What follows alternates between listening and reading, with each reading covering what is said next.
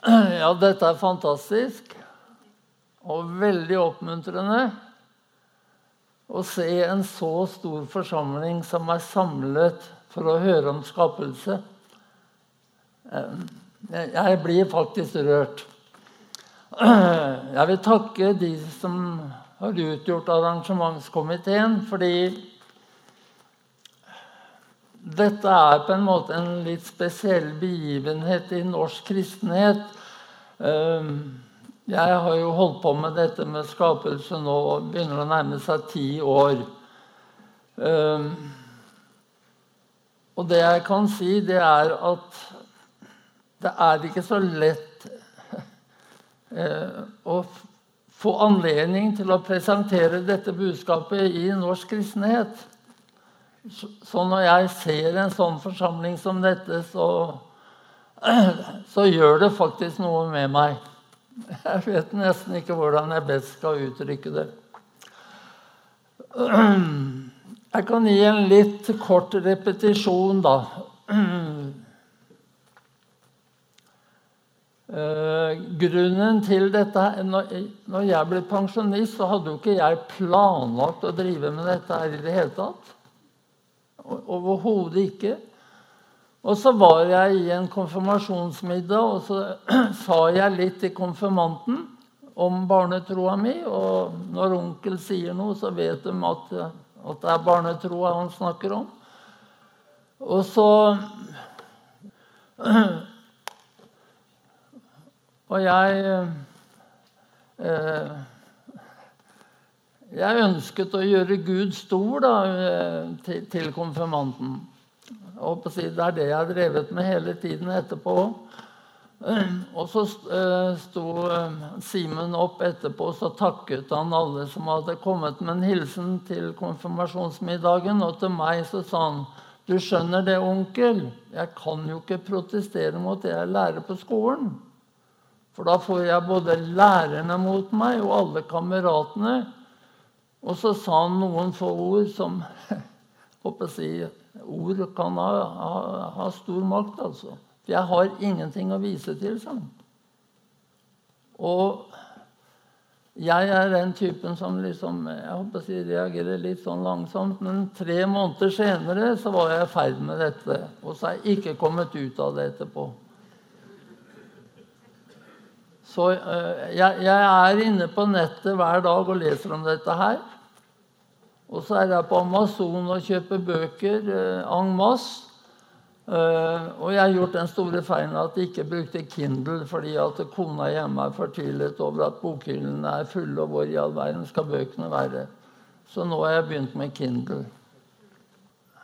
Jeg har den overbevisning at hvis vi skal ha en rett form for kristendom, så må vi ha et rett syn på Gud og skapelse. Og det er vel noe av det som på en måte uh, har drevet meg, da.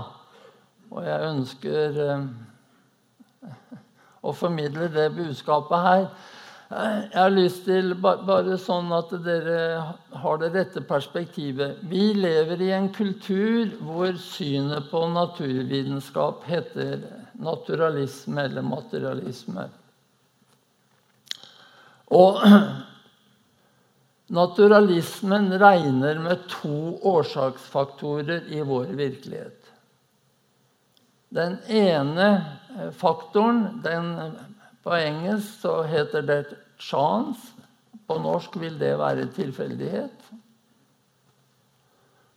Så tilfeldige reaksjoner mellom materien som fins, og energien som er i universet, Eh, er da hovedfaktor. Og den andre årsaksmekanismen, det er da at alt dette må skje i henhold til naturlovene, disse reaksjonene. Slik at det er, to faktorer som altså jeg å si, Kulturen i Norge, akademia i Norge, lærebokforfattere i Norge regner med som årsak til vår virkelighet det er tilfeldighet og naturens lovmessighet. Jeg består av ca. i hvert fall en 100 000 milliarder celler. Og hver celle i kroppen min sier at vi kan ikke Jeg er helt overbevist om at vi kan ikke forklare vår virkelighet hvis vi ikke regner med intelligente årsaker i naturen. Slik at når jeg står her nå med en så fenomenal fin forsamling av, av folk i litt variert alder, og det er jo veldig flott, så har jeg ett ønske at når dere forlater salen her i, i kveld, at dere alle er overbevist om at det fins en intelligent årsak i naturen. Eh, jeg har plukket ut noen bilder, da. Og det er veldig fint om vi etterpå kan eh, si, Dette er jo veldig dyptliggende problemstillinger. Det går på, på livet løs for hva vi mener om skapelse og sånn. Det, det, kan stikke veldig dypt.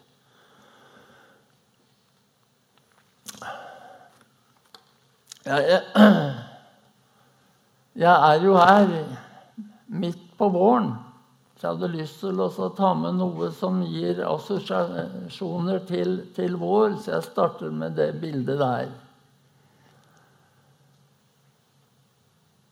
Og så er det én Det er mange setninger som er fine.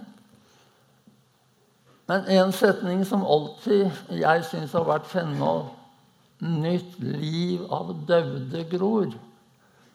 Altså jeg å si, Hvor mange refleksjoner du kan gjøre deg over en sånn eh, setning. Disse fem ordene der.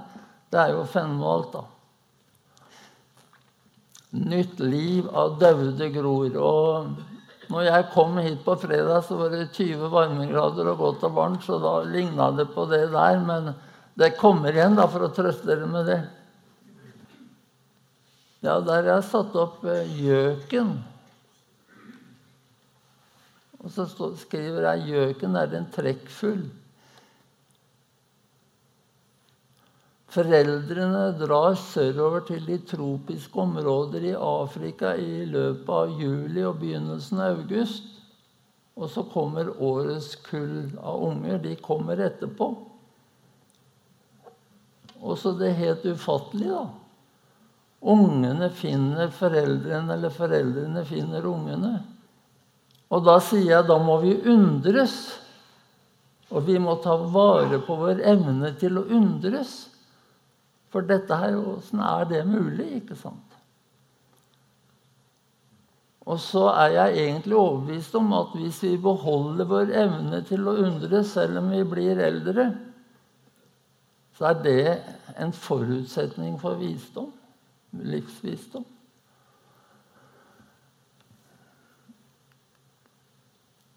Der er gjøken. Den er kjent fordi den har tverrstripe på brystet. Og jeg vet ikke om det kartet der kanskje er litt svakt. Det er helt fra Skandinavia her. Nei, nå, nå er jeg litt for Der er jeg. Jeg må passe meg. Der, der oppe er Skandinavia, og så er jo Syd-Afrika her nede. Så den har en reiserute på ca. 800 mil. Og det er to ganger i året. En gang om våren han kommer, og så en gang når han drar. Og det er da 1600 mil. Og så har han en veldig smal eh, flystripe. De har merket disse, da, så de vet det. Og så kan vi jo undres hvordan i all verden vet de fullungene veien første gang de skal fly, da? Og finne fram? Ja, det er instinkt, kan vi si. Det er instinktet. Og det er det. Men hva er instinkt? Et instinkt er informasjon som er lagt i vedkommende av skaperen selv. Altså, det er, det er ingen ingen evolusjon som kan legge noe sånn informasjon inn i livet. Det er helt umulig. Det er bare skaperen selv som kan legge den informasjonen så fuglen finner fram. Og så tar jeg med den nå, da. Her borte spiser du vel mye laks. Og dere har lakseoppdrett òg. Men bare Jeg kunne gjerne ha brukt et annet eksempel også, men jeg får være litt forsiktig her. Den laksen er Nå blir det borte her. Nei, nei, nei. Ja. Den, den, er født et eller annet sted her på Vestlandet, i en liten elv. Og så blir den svømmedyktig, og da heter den smolt, har jeg lært meg. Og da svømmer ned i saltvannet. Og da kan jeg bare si dere en ting som du sikkert kan ta mange doktorgrader på. I gjellene så har laksen og fisken noen motorer som roterer. Også i ferskvann så pumper de, de motorene natrium inn i cellene. Og når den svolten kommer ned i, i saltvann, så går de motorene motsatte vei og pumper natrium ut av cellene. Så bare en sånn ting, altså Hvis du skal forklare det molekylærbiologisk og sånn, så, ja, så er du langt inne i forskningsverdenen. Og så svømmer laksen ute i Nord-Atlanteren der.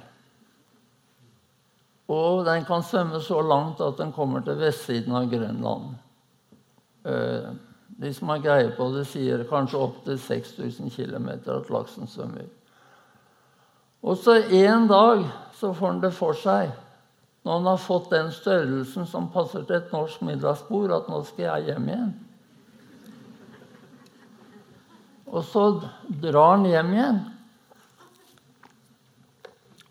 Og la oss nå tenke. Han er altså langt ute i havet. Det er mange hundre meter nedover med vann. Det er, det er kilometervis med vann alle sider. Det er vann over hodet på. Hvordan i all verden klarer han oss å navigere? Og så sier de som har greie på det, at den navigerer etter geomagnetisme. Og det vil si at laksen da den har da en sensor som tar imot geomagnetiske bølger. En sensor som er i stand til å tolke disse bølgene og omgjøre det til en navigasjonskurs. Jeg håper å si halleluja.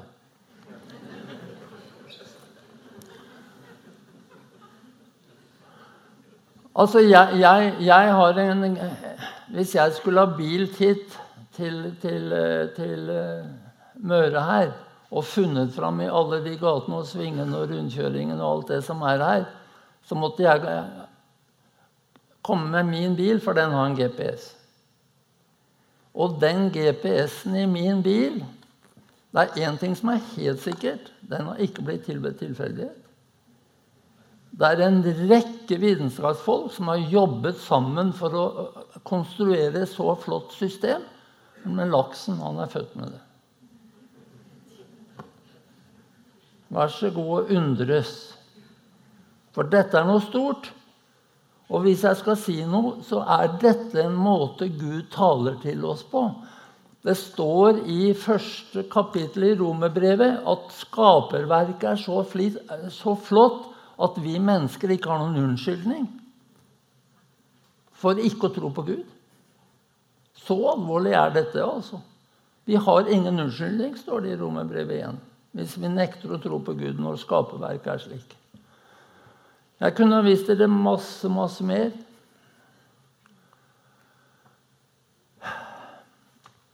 Ja, hva er livet? Liv leves, liv fødes, liv ernæres, liv dør. Liv har et stoffskifte med en hærskare av biokjemiske reaksjoner som alle må foregå på rett måte. Det er livet. Men død natur eller død materie, en stein, har ingenting. En stein er bare til. Den lever ikke. Og så noen ord om hva er forskjellen på liv og ikke-liv. For at liv skal kunne bli til, så må jorda vår være det som heter habitabel. Den må kunne gi livsbetingelser. Og atmosfæren vår, den er gunstig. Jeg skal ikke gå inn på alt det, men f.eks. det at vi har 21% oksygen En som har greie på det, sier at hvis vi hadde 22% oksygen i atmosfæren, så ville spontanbranner øke 50 med, med litt mer ressursstoff.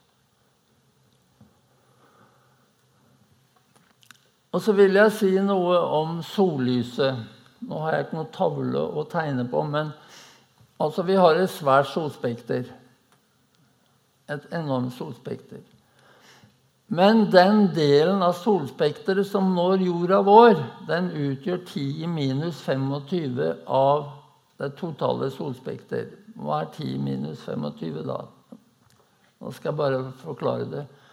Hvis du har 10 000 milliarder kilometer, det er langt. Hvis du jogger så mye, da jogger du langt. 10 000 milliarder kilometer. 10 minus 25 er 1 nanometer av det.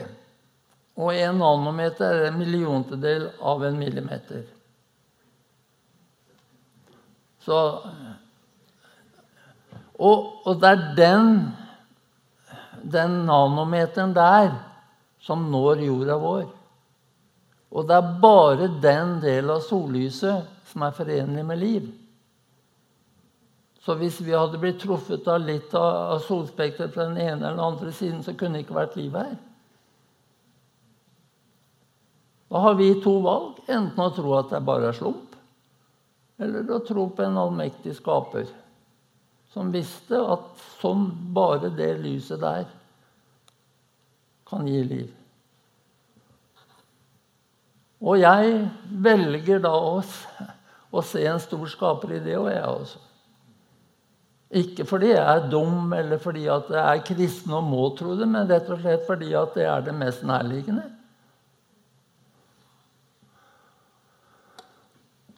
Og vann er jo også fenomenalt, da. Altså, Livet består jo av vann. 70% av oss utgjøres av vann. Og 70% av jordas overflate er også vann. Og vann har veldig mange egenskaper. Altså En celle kan ikke bestå av gasser. Og den kan ikke bestå av grunnelementer. En celle må bestå av flytende, og da er vann helt ideelt. Og vann ja, Jeg syns også det er fenomenalt. Altså, du har trær jeg vet ikke riktig hvor høye de er, 30-40-50 meter, og så klarer de å suge opp vann der sånn mot tyngdekraft og alt mulig. Men no, noe annet ta det helt sånn dagligdags. Dere har tjern her. Om vinteren er det vel is der, og så er dere der med ungene, så ungene kan gå på skøyter. Og så smelter det, og så bader dere om sommeren. Og når dere bader om sommeren og tar en dukkert, så blir det kaldere lenger ned. Og så kommer vinteren, og så blir vannet kaldt. Og så når vannet nærmer seg fire grader og blir under fire grader går mot frysepunktet, så endrer vannet seg slik at det kalde vannet stiger opp. Er ingen andre væsker som er sånn. Og så fryser det kalde vannet til is, og så beskytter det det vannet som er under, mot å bli bunnfrosset, slik at livet i, i sjøen ikke ødelegges. Så jeg velger å se en, jeg håper å si, en mektig skaper i det òg, jeg også. Men det er et valg jeg gjør. For jeg syns det, det, det er jo noe veldig flott som, som er en forutsetning for at, at vi skal ha liv her.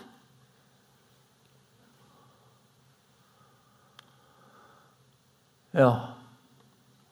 Og så har vi rett temperatur. Altså uh, Ute i universet så, så, Det er det de ser etter, da, om, om en ny planet kan, ha, kan gi grobunn for uh, for liv. Altså temperaturen må være sånn at vann ikke så høy at vann fryser til is, men at vann i perioder av året da må finnes i flytende form. Og så tenker dere heller ikke på, kanskje ikke vet, men etter dette nå så vet dere det, at vi har en paraply der ute som heter Jupiter.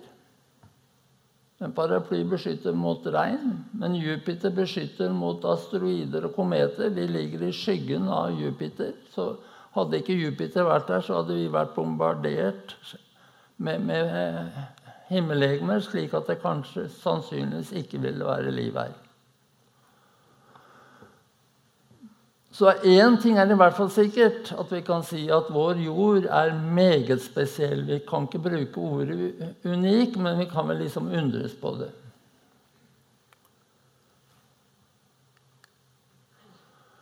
Og så kommer de andre forutsetningene for liv, da.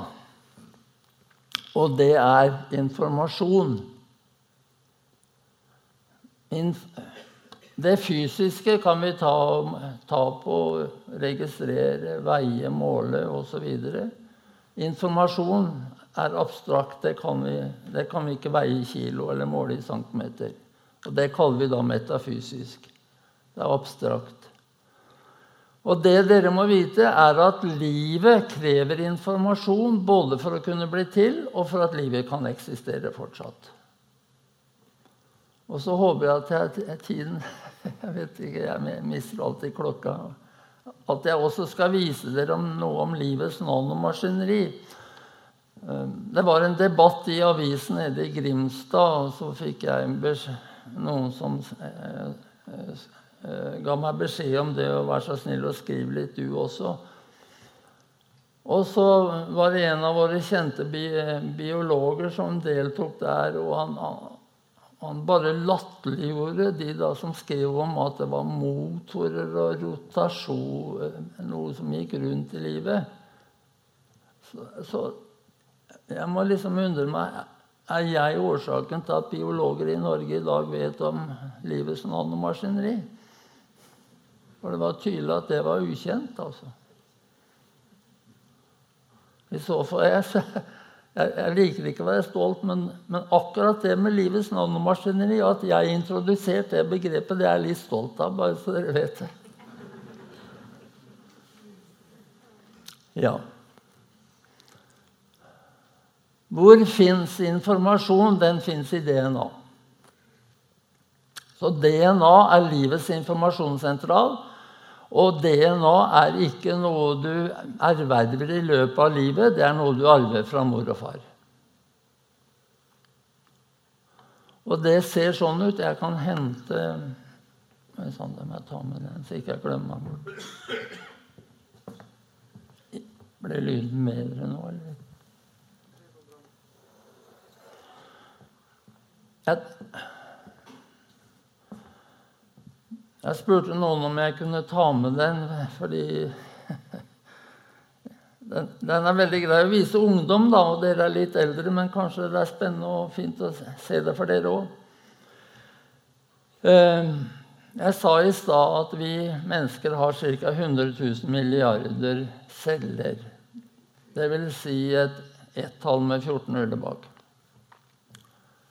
Og i hver celle i kroppen din så har du en streng med DNA som er litt i underkant av to meter. Men sånn for å huske så kan vi si to meter. Og Da ganger du to meter med antall celler.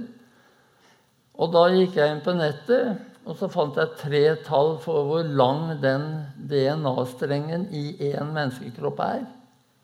Og det laveste tallet jeg fant, var at det svarte til 60 returturer til sola i en menneskekropp. Og Så så jeg litt mer, og så sto det 300. Og så fant jeg et tall på 370, men da ga jeg meg å lete. Bare så dere skjønner, altså, vi, er, vi snakker om noe nå som er fantastisk. Så lengden av DNA i din kropp går langt utenfor vårt solsystem. Jeg tror ikke det er blitt til tilfeldighet. Jeg makter ikke å tro det. Ikke fordi at jeg er kristen, men fordi jeg bruker sunn fornuft. Og så På norsk er det 29 bokstaver, så når jeg står og prater nå, så bruker jeg 29 bokstaver. Hadde jeg snakka engelsk, hadde jeg hatt 6, 26 å velge mellom. Og så var vi borte i Polen, tok Ryanair til Polen og kosa oss. Og så spurte jeg serveringsdama nei, der var det noen og 30 bokstaver, for de setter sånne streker og litt sånn over bokstavene. Men DNA har fire bokstaver. Og det, det molekylet du ser der, det er det mest avanserte molekylet i hele universet. Det er fire bokstaver, og hvis dere ser her, så ser dere at den grønne og røde binder sammen hele veien. Det er en del av systemet. Og så den blå og den oransje.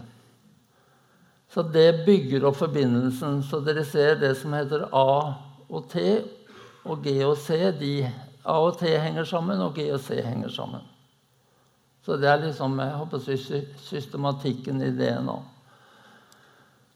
Når jeg prater her nå, så bruker jeg bokstaver, men jeg kan ikke gå på apoteket og kjøpe en kilo K, selv om fornavnet mitt begynner på K.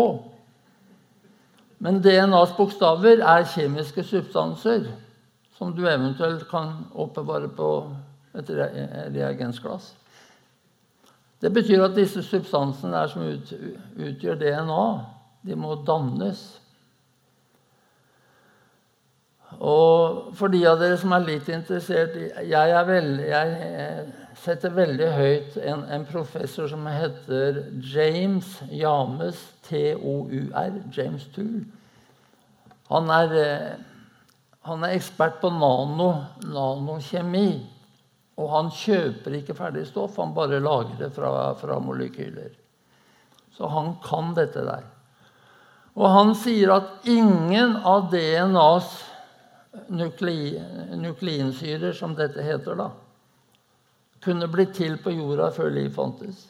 Ikke tale om sin. Og han vet hva han snakker om. altså. Jeg, tror, jeg, husker ikke nå om han har 500 vitenskapelige publikasjoner eller 700. Han, han er en komet, da. Så han sier at ingen av disse substansene kunne bli til av seg selv. Og da sier han indirekte, men det kan han ikke si, for da vil han bli sagt opp på jobben sin, at da er skapelse den beste forklaringen. Og så Hvis dere ser på den lille der sånn som går igjen D-en i DNA står for deoksyribose, som er navnet på sukker. Det er dette sukkeret der. Og Tur sier videre det fins ikke én kjemiker på denne jorda sin som har den minste peiling på hvordan den, dette sukkeret kunne bli til på jorda før liv fantes. Det fins ingen kjemiker. De, de, de, vet ikke i, i, hvilken retning de skal begynne å, å, å, å teste det ut engang, sier han. Og han vet hva han snakker om. Og så er det én ting til med sukkeret når jeg først står bare jeg kommer på det.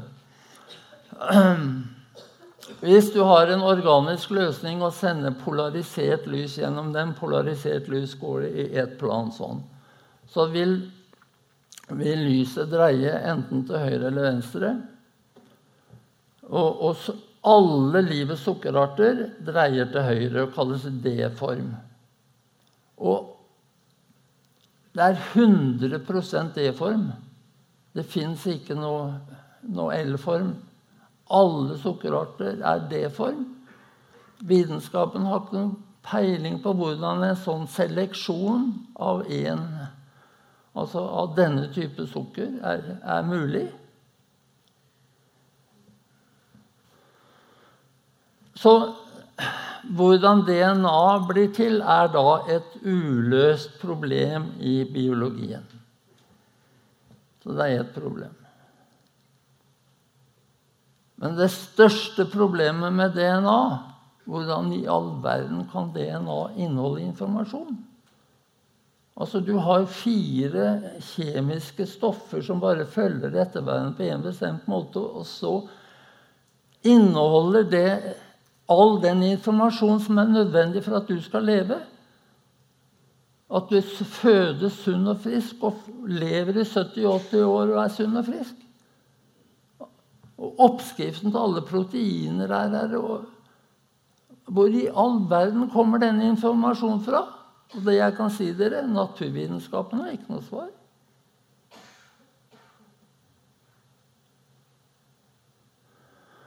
La oss ta bare en ting som hemoglobin. Hemoglobin har 1722 sånne bokstaver etter hverandre her. Og de bokstavene Altså hvis bokstaver skal danne ord, så må bokstavene komme etter hverandre på rett måte. Og nå bare gjentar jeg meg selv. De seks bokstavene 'flaske' de jeg betyr en flaske. Men så snur vi på S-en og K-en, og så får vi flakse. Og da ser jeg høne som flakser bortover. Det er de samme seks bokstavene. Meningen er helt annerledes. Det er bare rekkefølgen av ordene som, som, gir mening. Og så er det enda et ord du kan lage, og det er falske. Så de samme seks bokstavene kan bety tre ting bare ved å endre rekkefølgen av bokstavene. Og det betyr jo at alle disse bokstavene her må komme på rett måte. Uh, Altså de 1722 bokstavene i hemoglobin, hvis det avviker kanskje på et kritisk sted, så vil det proteinet som da dannes, ikke binde oksygen og være ubrukelig. Og det er ekstrem grad av nøyaktighet. Og så holder jeg på å glemme én ting. Hvor mange sånne stigtrinn tror dere den tometeren dere har i kroppen, har? Jeg har brukt antakeligvis lang tid, så la meg si det. da. 3,2 milliarder sånne stigtrinn er det i hver eneste celle i kroppen deres. Og det svarer omtrent til 5000 bøker hver på 400 sider i et bibliotek. Det er i hver celle i kroppen din. Og så øh, litt hjertesorg. Jeg spurte en kristen kristen professor om, om det jeg har vist dere nå. Ja, nei, DNA har oppstått av seg selv ved tilfeldighet. Og der befinner vi oss i Norge i dag. Altså. Da, da, da, da, skjønner dere hvor sterke motkreftene er. Altså. Ikke sant? Fordi Hvis han skulle si noe annet, så ville han miste jobben sin. Hvis jeg hadde stått hadde vært 20 år yngre nå og stått og sagt dette f.eks. i USA, så hadde jeg det, det, hadde vært det samme som at jeg skrev min egen oppsigelse. Når jeg snakker om at det fins intelligente årsaker i naturen. Du mister jobben din. Og så, og så fryses du ut. Og så søker du eventuelt om penger til noe, et forskningsprosjekt, og så får du ikke penger. Ok, det er vel nok om det nå. Er dere fornøyd med det?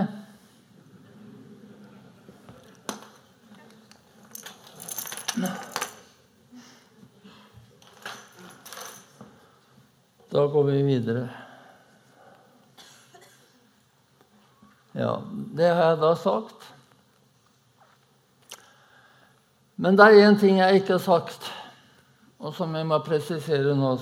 Kanskje det kommer eh, Dere kan høre på meg først. Altså, all informasjon som vi mennesker kjenner til, kommer fra en intelligens. Dere kan rekke opp hånda, de av dere som mener at det fins informasjon som kom, eh, har blitt til med tilfeldighet. Så eh, jeg håper å si Evolusjonslæren, f.eks., den sier at vår nåværende viten er en nøkkel til, til fortiden. Og vår nåværende viten sier at all informasjon som vi kjenner til, kommer fra en intelligens. Og da sier jeg at DNAs informasjon må komme fra en intelligens som var der før livet fantes, og for meg er det det samme som en intelligensskaper. Fikk det, dere fikk med? Ja. Og evolusjonsbiologer er da, i og med at de er bundet av verdensbildet naturalisme, forpliktet til å mene at at informasjon i DNA kan bli til av seg selv. Og da skjønner dere åndskampen. Det, ikke sant? Det, det, det, blir det samme som å si at A er lik minus A. Altså, det er to, altså, det er to helt De kan ikke forenes. At informasjon kommer fra en intelligens, og at informasjon kommer fra tilfeldighet. Og noen kan eventuelt da si at ja, men litt informasjon kan vel komme. Altså det, man vil være litt eh, mild, men det er ikke sånn. Enten er informasjon eh, Kommer det fra en eh, intelligens, eller så kommer det fra Det kan ikke komme litt fra en eh, intelligens. Det, det må dere forstå. Og liv har DNA. En stein har ikke DNA. Så DNA er da forskjell på liv og ikke-liv. Har jeg brukt mye tid nå? Ja, her har vi mange typer informasjon, men la oss bare Nei, nå trykker jeg på feil ting her. vet du.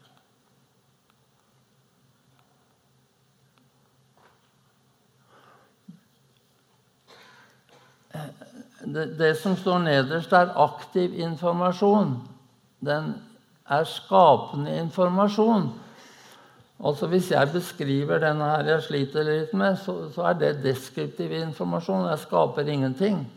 Og så har jeg kommuniserende informasjon og prater jeg til dere og kommuniserer. Men for å skape noe nytt så må du ha skapende informasjon. Og det fins i DNA. Og det fins i gener. Der har jeg et bilde av Henry Ford når han skulle lage sin første Det er mulig jeg sier feil T-Ford, for jeg, jeg, husker aldri for A eller T jeg blander.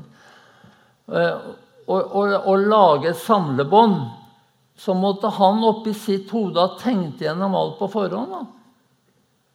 Alle skruer, alle dimensjoner, altså bremser, ratt, motor Alt måtte han ha tenkt gjennom på forhånd.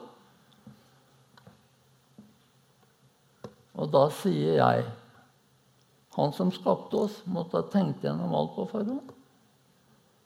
Fordi vi, Altså, vi er jo Ja, vi er jo perfekte. Selv om det kan mangle litt i oss. Men, men, men vi, vi, vår kropp er fenomenal. Bare jeg ser et ansikt, så blir jeg Og så nesa sitter i midten. Har to øyne. Og de er slik at jeg ikke ser dobbelt. Ja, det er ikke tilfeldig. Jeg ser, jeg ser. Og så hvis jeg roterer øynene sånn, så ser jeg skarpt hele tiden. Og det er, det er drøssevis av, av nevrofysiologiske forhold som må klaffe for at når du roterer øyet hele tiden, er skarpt. Ikke tilfeldig.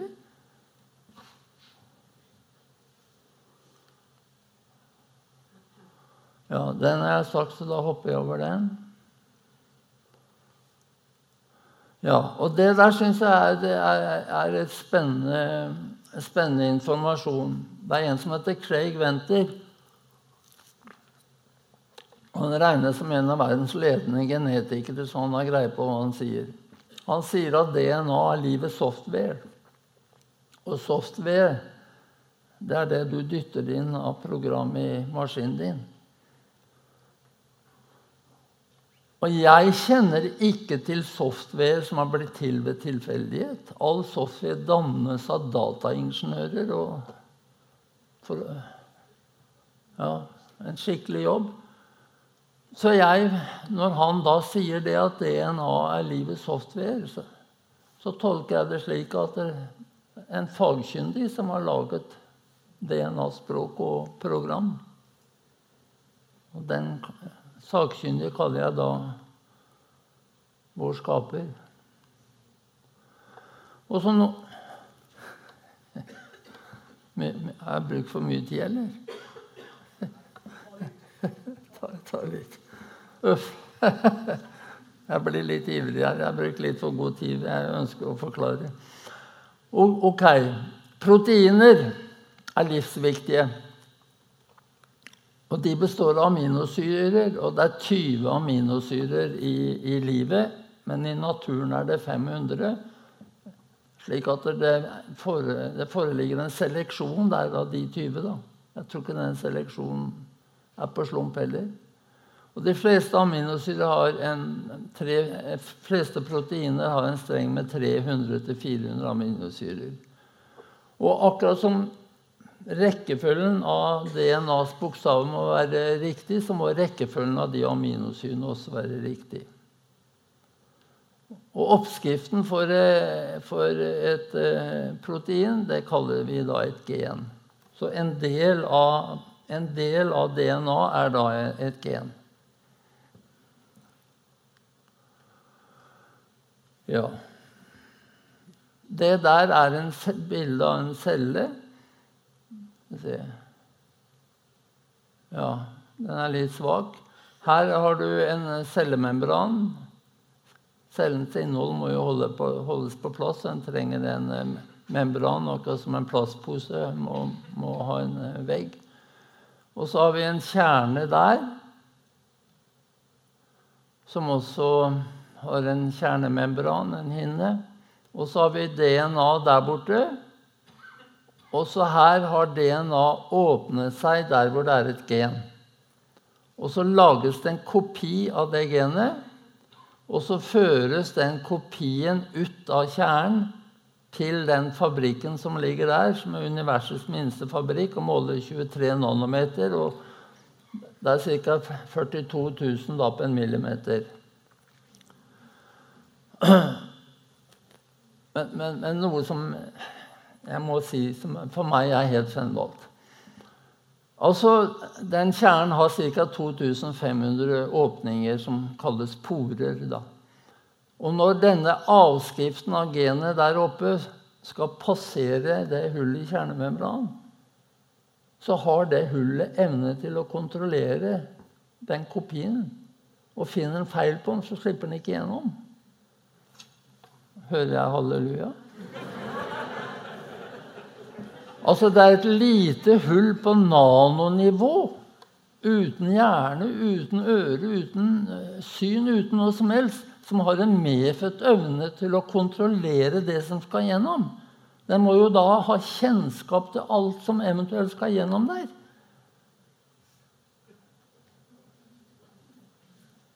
Romerbrevet 1. Og så kommer da denne, denne avskriften av genet hit ned, og så ruller altså den proteinfabrikken som heter ribosom, langs uh, den oppskriften. Og så hentes aminosyrer etter de bokstavene som er her, da, etter DNAs bokstaver, eller RNAs bokstaver der. Og så lages det en proteinkjede. Og så dannes det vel i hvert fall 20 nye hektes på 20 aminosyrer i sekundet eller noe sånt. Her kan det da ikke foregå feil. Nei. Og der ser du den fabrikken på, på nært hold. Og skal vi se Nei, det, det, jeg kan fortelle dere, at i, i, 2009 så fikk tre forskere nobelprisen fordi de hadde jobbet med det ribosomet, den også fabrikken på 23 nanometer. Og jeg syns det var veldig spennende, for det er en kvinne der som er israelsk forsker. Hun hadde da i 2009 jobbet bare med den strukturen på 23 nanometer i 20 år. I 20 år hadde hun for å sette seg inn i Skjønner du litt av kompleksiteten som jeg bruker noen sekunder på? Og kan du da tro at tilfeldighet kan lage noe sånt når et, et av de klokeste hoder bruker over 20 år til å forstå noe av det?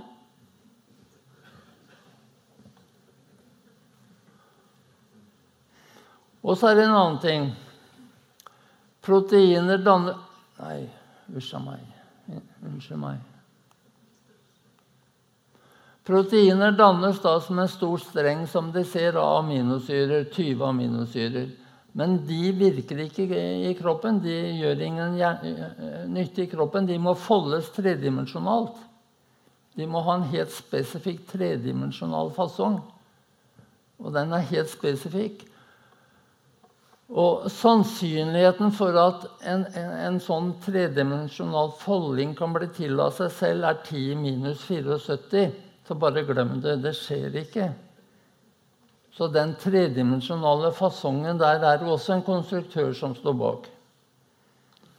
Her er Ser dere de blå, blåfargene der òg, eller forsvinner? Altså, det er hemoglobin.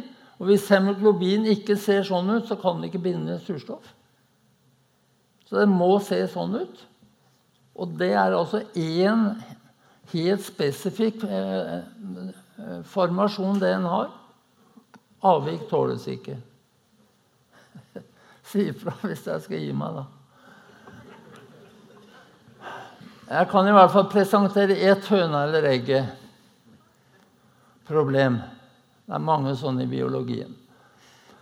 Det jeg kan si, er at når man hadde såpass mye informasjon om proteiner og forskjellig, så kunne matematikere analysere sannsynligheten for at et protein kunne bli til av seg selv på jorda før liv fantes. Og et protein som da bestod av 150 aminosyrer, dvs. Si et relativt lite protein, sannsynligheten for det er 10 minus 164, så bare glem det. Det er umulig. Så alle proteiner hos dere her, alle proteiner i livet, må produseres i den fabrikken som jeg viste dere. Men den fabrikken består selv av 50 proteiner. Så når det første protein skulle dannes, så skulle det, dannes i en fabrikk som selv består av 50 proteiner. Hvis du tror på en skaper, så har du ikke noe problem. Men hvis du ikke tror på en skaper, så har du et problem du aldri nevner for studentene dine. Og så Ikke nok med det, men det ribosomet ligger inni en celle hvor det antageligvis er nærmere 1 million proteiner. Ok. Men dere, jeg håper å si, dere får med litt av dette? Jeg håper å si, jeg, har holdt eller jeg har stått på dette, og jeg har ett ønske å gjøre Gud stor. Jeg kan være liten, jeg betyr ikke noe. Budskapet mitt betyr noe. Ja, jeg kan avslutte med det òg, da.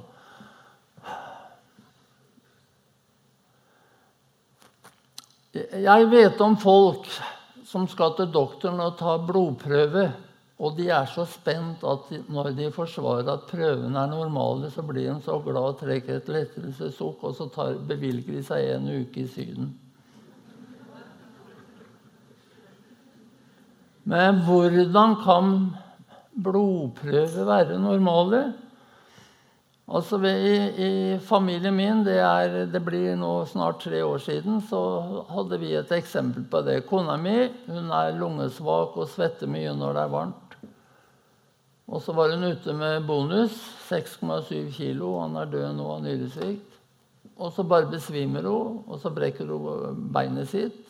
Og så kommer hun på sykehuset, og så har hun 128 i natrium.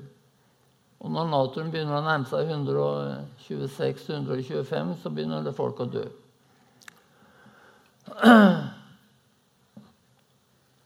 Så eh, da tenker jeg ut fra den bakgrunnen jeg har Hvorfor i all verden går vi ikke rundt og er 128 natrium alle sammen? Altså vi, kroppen vår vet faktisk hva som er riktig natriumverdi, og jobber hele tiden for at vi skal ha riktig natrium. Det er bare ett eksempel. Og la meg si bare ta hormoner, da. Hvis du har for mye hormoner, så er du syk. Nå har du for lite, så er du syk. Og kroppen den vil ligge riktig. og det er Altså, Hvis du har et kontrollsystem Det lages jo av en som kan det. Et kontroll, sånt kontrollsystem kan jo aldri bli til av seg selv på slump. Dere skjønner det?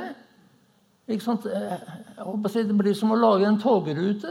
Du, du, du, vet du har noe å gå ut etter. Du setter ikke et hvilken som helst klokkeslett når toget går.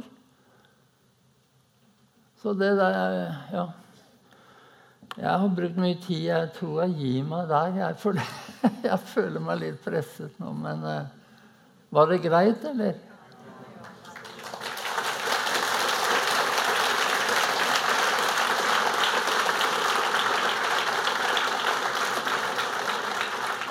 Nå, nå, nå, nå, ser jeg en ting. Jeg har snakket om livets nanomaskineri. og Det har jeg ikke fått fram. Han er jeg forelska i. Det har jeg vært i ti år. Han heter kinesin. Han består av to proteiner, og så går han ett skritt av gangen og bruker 122 000 skritt på 1 millimeter. Det blå der er last. Og det grønne er en del av celleskjelettet.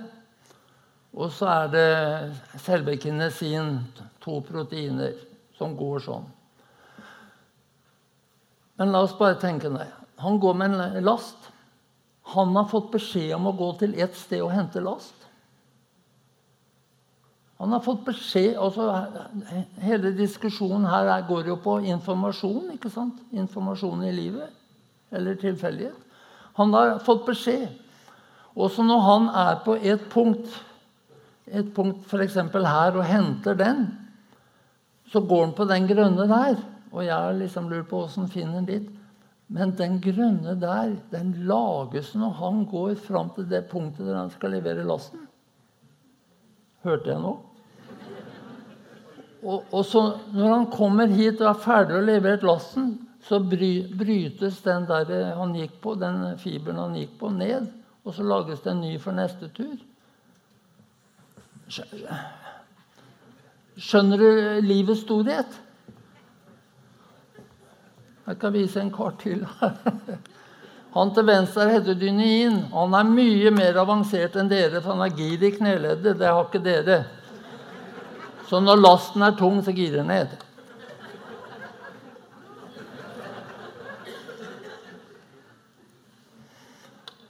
Hver av dere har i hvert fall én million milliarder slike motorer inni kroppen.